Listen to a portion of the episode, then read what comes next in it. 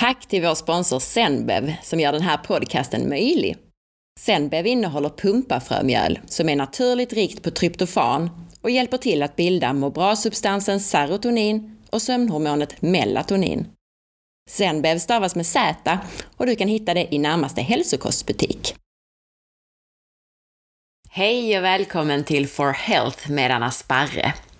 Det har gått ett helt år och 140 000 nedladdningar av podcasten sedan jag spelade in det första avsnittet.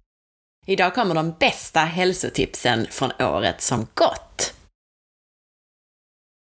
Först och främst, tack till alla er som delar med er av podden på Facebook, Instagram med mera. Jag vill också tacka er som lämnat betyg och recensioner i iTunes. Stort tack! Det hjälper mig att hålla podden levande och att få hit intressanta intervjupersoner. Påminner också om att du kan boka mig som föreläsare till ditt företag eller privata grupper. Och om du är nyfiken efter det här avsnittet så hittar du mer information på forhealth.se. I mitten av augusti har det alltså gått ett helt år sedan jag spelade in ett första avsnitt, lite halvt på skoj, och pratade rakt in i datorn. Och det här är avsnitt 50. Ni blev mycket fler lyssnare än jag kunnat drömma om. Som sagt så har vi haft runt 140 000 nedladdningar från iTunes och liknande kanaler. Och nu när avsnittet sänds så är det antagligen uppemot 150 000.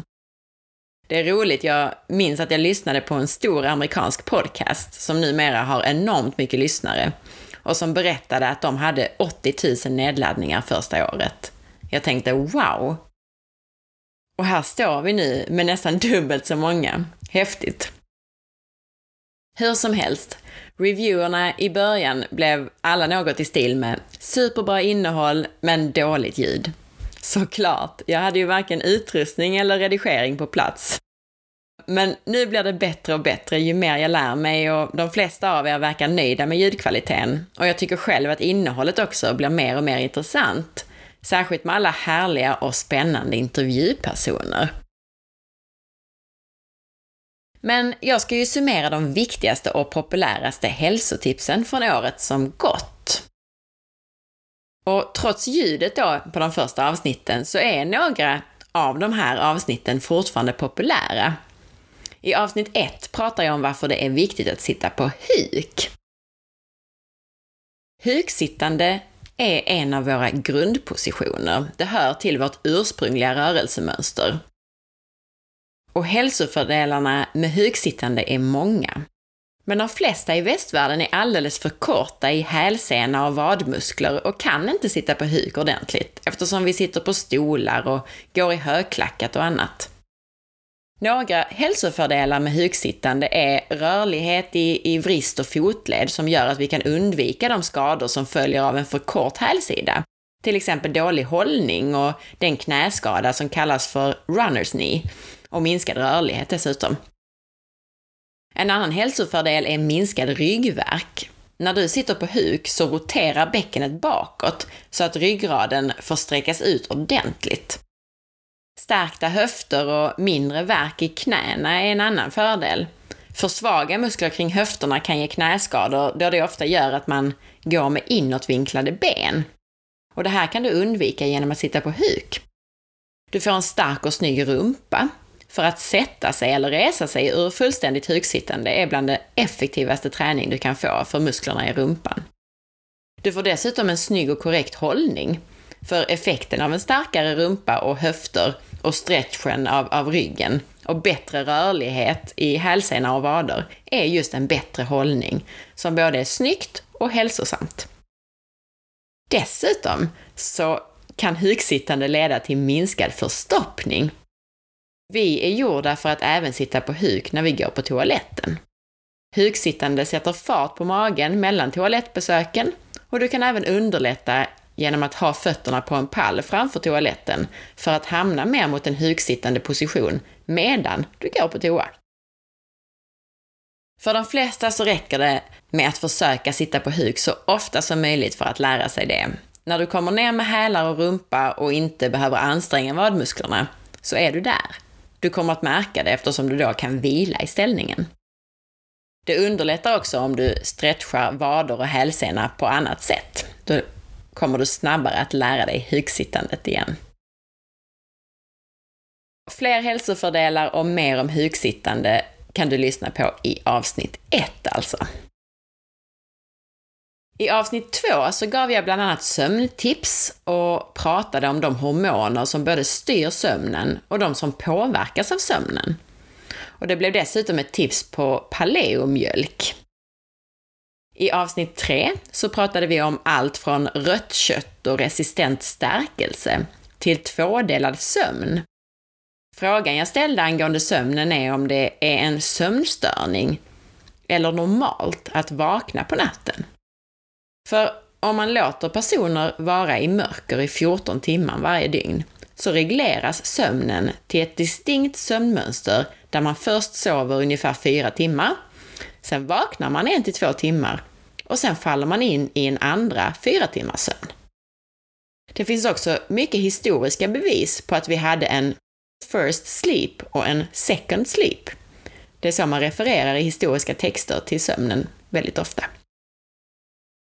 Jag ska inte prata om riktigt alla avsnitt, men just de här första avsnitten är faktiskt väldigt populära fortfarande. Avsnitt 4, det är ett ganska långt avsnitt om stress och det som kallas för binjureutmattning. Symptom som utmattning, trötthet, ängslan, depression, sömnlöshet, svårigheter att gå ner i vikt och särskilt runt midjan, ofrivillig barnlöshet och PMS kan alla vara följderna av det som vi kallar för binjureutmattning eller trötta binjurar, vilket i sin tur beror på förhöjda stressnivåer under lång tid. Kronisk stress alltså. Och det här kan du lyssna mer på i avsnittet, men det jag ska tillägga är att ordet binjureutmattning egentligen är ett lite dumt ord kan jag tycka. För i de allra flesta fall när man har problem med stressnivåer, kortisolrytm och så vidare, så handlar det om en störning i hjärnan och hjärnans signaler till binjurarna. Stressen påverkar alltså hjärnan, vilket gör att signalerna till binjurarna förändras, alltså signalerna från hjärnan. Och dygnsrytmen blir det ofta som ställs upp och ner. En del av detta kan man åtgärda genom att identifiera orsaken till stressen och dessutom att arbeta med dagsljus och, och mörkercykeln och med den mat du äter på olika tider på dygnet. Är du mer intresserad av det här sista så rekommenderar jag dig att lyssna på avsnitt 23 av podden, som också är ett populärt avsnitt och som heter någonting i stil med att därför ska du äta dina kolhydrater på kvällen. Avsnitt 6 handlade om sköldkörteln relaterat till lågkolhydratkost. Där jag bland annat berättade om att sköldkörteln mycket väl kan dra ner lite på krutet när man är i ketos, alltså bildar en betydande mängd ketoner från fettförbränning istället för blodsocker. Man kan få lägre nivåer av sköldkörtelhormonet T3 och högre av det som kallas för reverse T3. Men med ett samtidigt normalt eller lågt TSH, alltså det här hormonet som utsöndras från hjärnan till sköldkörteln. Det här TSH, det är det som säger åt sköldkörteln när den behöver producera sina hormoner. Och ett högt TSH, samtidigt som man har låga nivåer av till exempel T3, det kan vara ett tecken på underfunktion i sköldkörteln eftersom sköldkörteln inte svarar trots att hjärnan skickar ut mer och mer TSH. Det vill säga om kroppen skulle vilja att sköldkörteln drog på, då skulle TSH från hjärnan öka som en signal till sköldkörteln. Men när man är i ketos så är det inte det som händer, utan då är det så att kroppen vill gå på den här nivån. Alltså, går man på sockerdrift så är man feltrimmad och går på högvarv och högtemperaturförbränning kan man säga. Men går man i det evolutionärt fördelaktiga tillståndet fettdrift och med ketoner som bränsle, så går man lite lugnare och antagligen så vill kroppen också att man ska gå lite lugnare. TSH är lite lägre, T3 är lite lägre.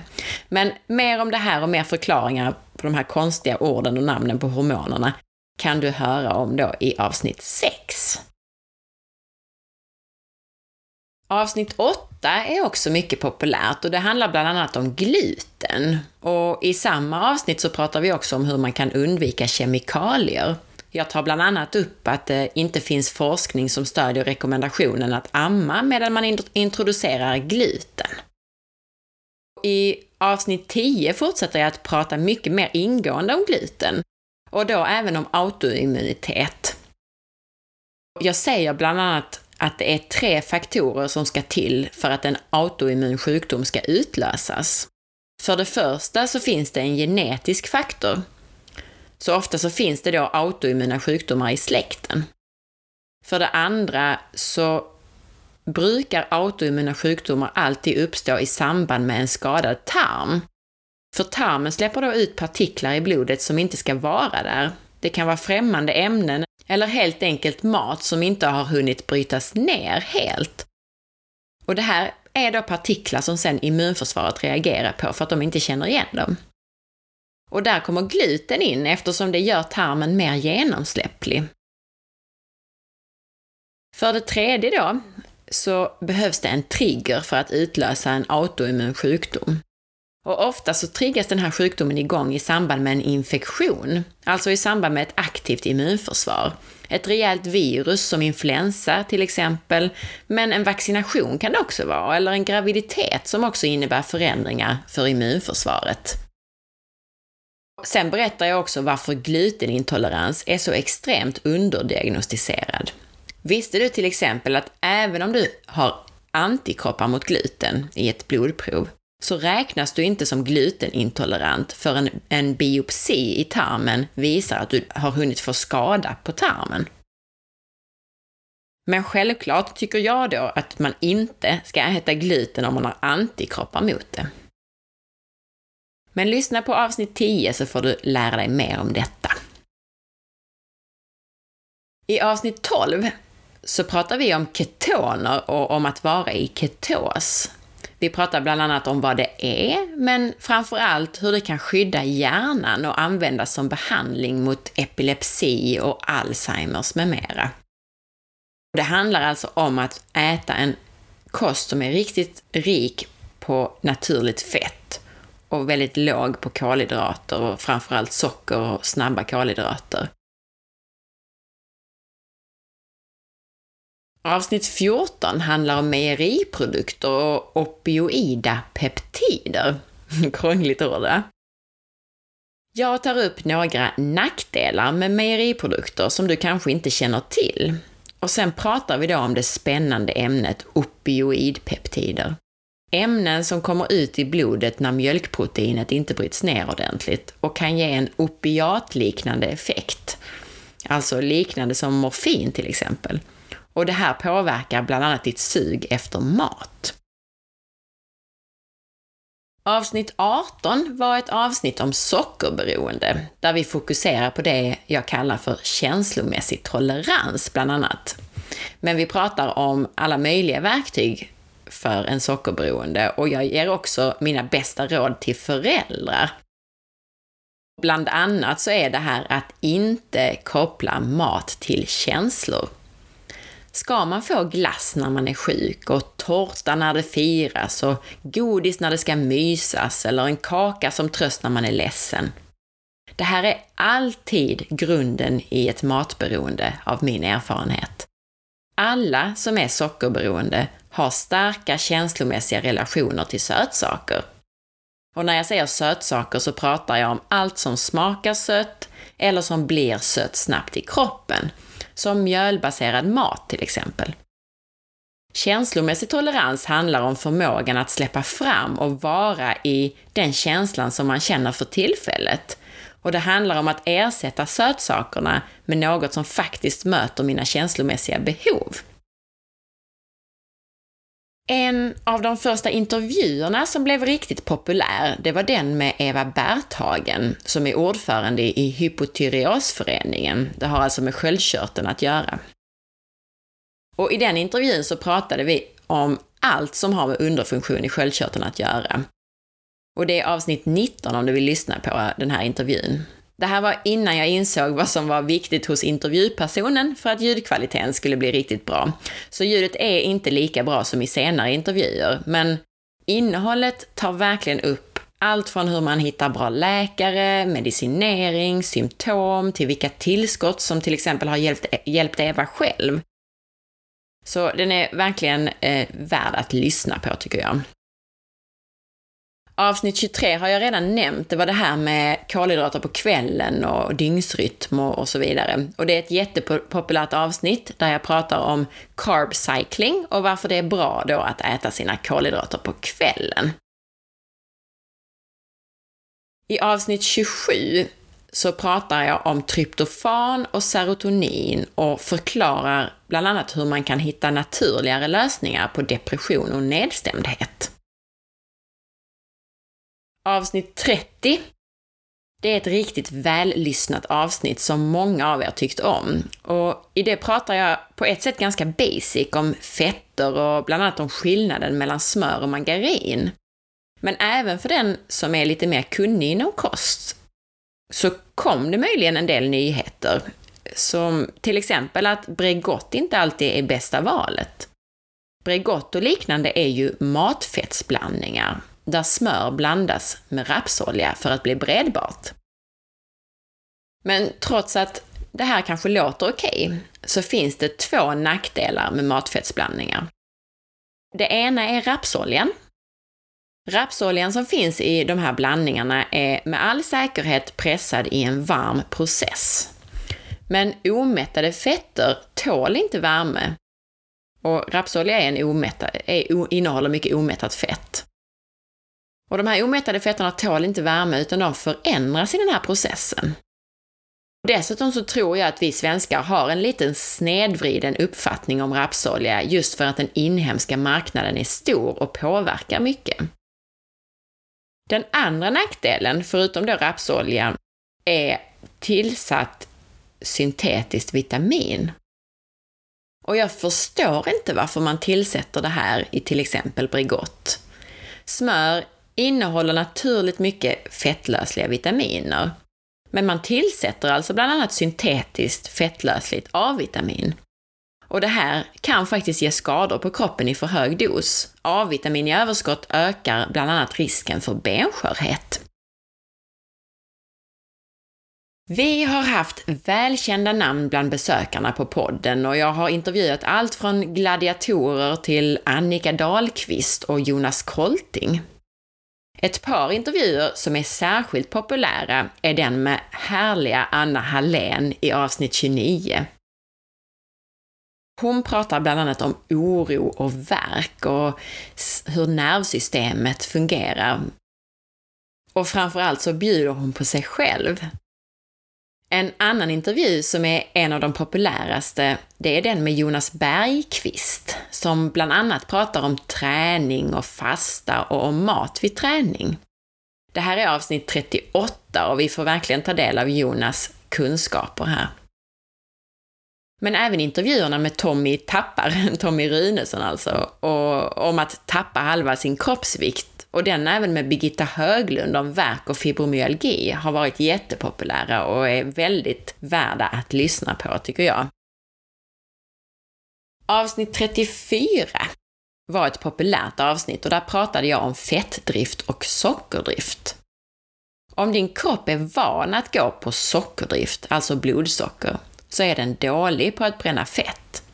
Och det här kan inträffa om vi äter för mycket kolhydrater, till exempel i form av bröd, pasta och godis, eller om vi äter för lite fett. Ger vi kroppen lagom med protein, mycket fett och bara naturliga kolhydrater som grönsaker till exempel, så går kroppen istället på fettdrift och tar bara till blodsocker i det som jag kallar för anaeroba nödsituationer. Om kroppen går på sockerdrift så är den extremt känslig för om du inte tillför kolhydrater konstant. Och därav så sägs det att det är så himla viktigt att äta frukost och mellanmål hela tiden om du lever enligt ja, kostcirkeln eller någonting i den stilen. Och det här är inte bara för att du blir låg om du inte äter var tredje timme eller vad det nu blir, utan för att kroppen faktiskt bryts ner för så fort kroppen inte då får blodsocker via kolhydrater i kosten så kommer proteinet i kroppen via något som kallas för gluconeogenes att göras om till blodsocker. Det betyder att dina muskler och andra proteiner bryts ner. Och proteiner har du även i benstommen, i ditt hjärta med mera. Och du bryter helt enkelt ner kroppen. Men lösningen? Jo, det är ju det här att vi vill ju använda fettdepåerna. Lösningen är fettdrift istället för sockerdrift. Det vill säga, äter vi mycket fett så är kroppens huvudbränsle fett. Är vi utan mat en period, men normalt äter mycket fett, så tar kroppen av något som även den smalaste människa har gott om. Underhusfett. Går du på fettdrift så är kroppen alltså istället okänslig för tillfällig matbrist. Då är den duktig på att ta av dina fettdepåer om det inte skulle komma bränsle via maten. Det här är ju till stor hjälp, det här med fettdrift, även om vi vill syssla med det som vi kallar för periodisk fasta, som jag pratade om i förra avsnittet, avsnitt 49. Dessutom, vid fettdrift så bildar kroppen ketoner som skyddar hjärnan mot Alzheimers och andra sjukdomar. I avsnitt 36 så pratar jag lite kring varför det finns åsiktsskillnader inom lågkolhydratkost. Och det här var ett, ett avsnitt som blev väldigt populärt. Alltså varför tycker någon att ju mindre kolhydrater desto bättre och en annan att paleo med lite rotfrukter och frukt och utan mejeriprodukter är att föredra? Jag spekulerar lite kring det och eh, tror att jag har några sanningar i det jag säger där och jag pratar även om min egen mat i avsnitt 36. Av de allra senaste avsnitten så är avsnitt 44 om hur tarmbakterierna styr din hälsa och avsnitt 40 om cancer särskilt populära. Även avsnitt 43, där jag tipsar om feta mejerifria tillbehör, är också populärt. Det jag bland annat berättade om kring makten hos tarmbakterierna, det var att flera studier har visat att sammansättningen av bakterier i våra tarmar är kopplade till om vi är tjocka eller smala. Möss som får tarmbakterier från en överviktig lägger på sig mer fett än möss som får bakterier från en smal person. I det här avsnittet pratas också IBS och avföringstransplantationer, depression som beror på dina tarmars hälsa och så vidare. När det gäller avsnittet om cancer så ger jag bland annat mina bästa råd, som inkluderar att inte göda cancerceller med socker.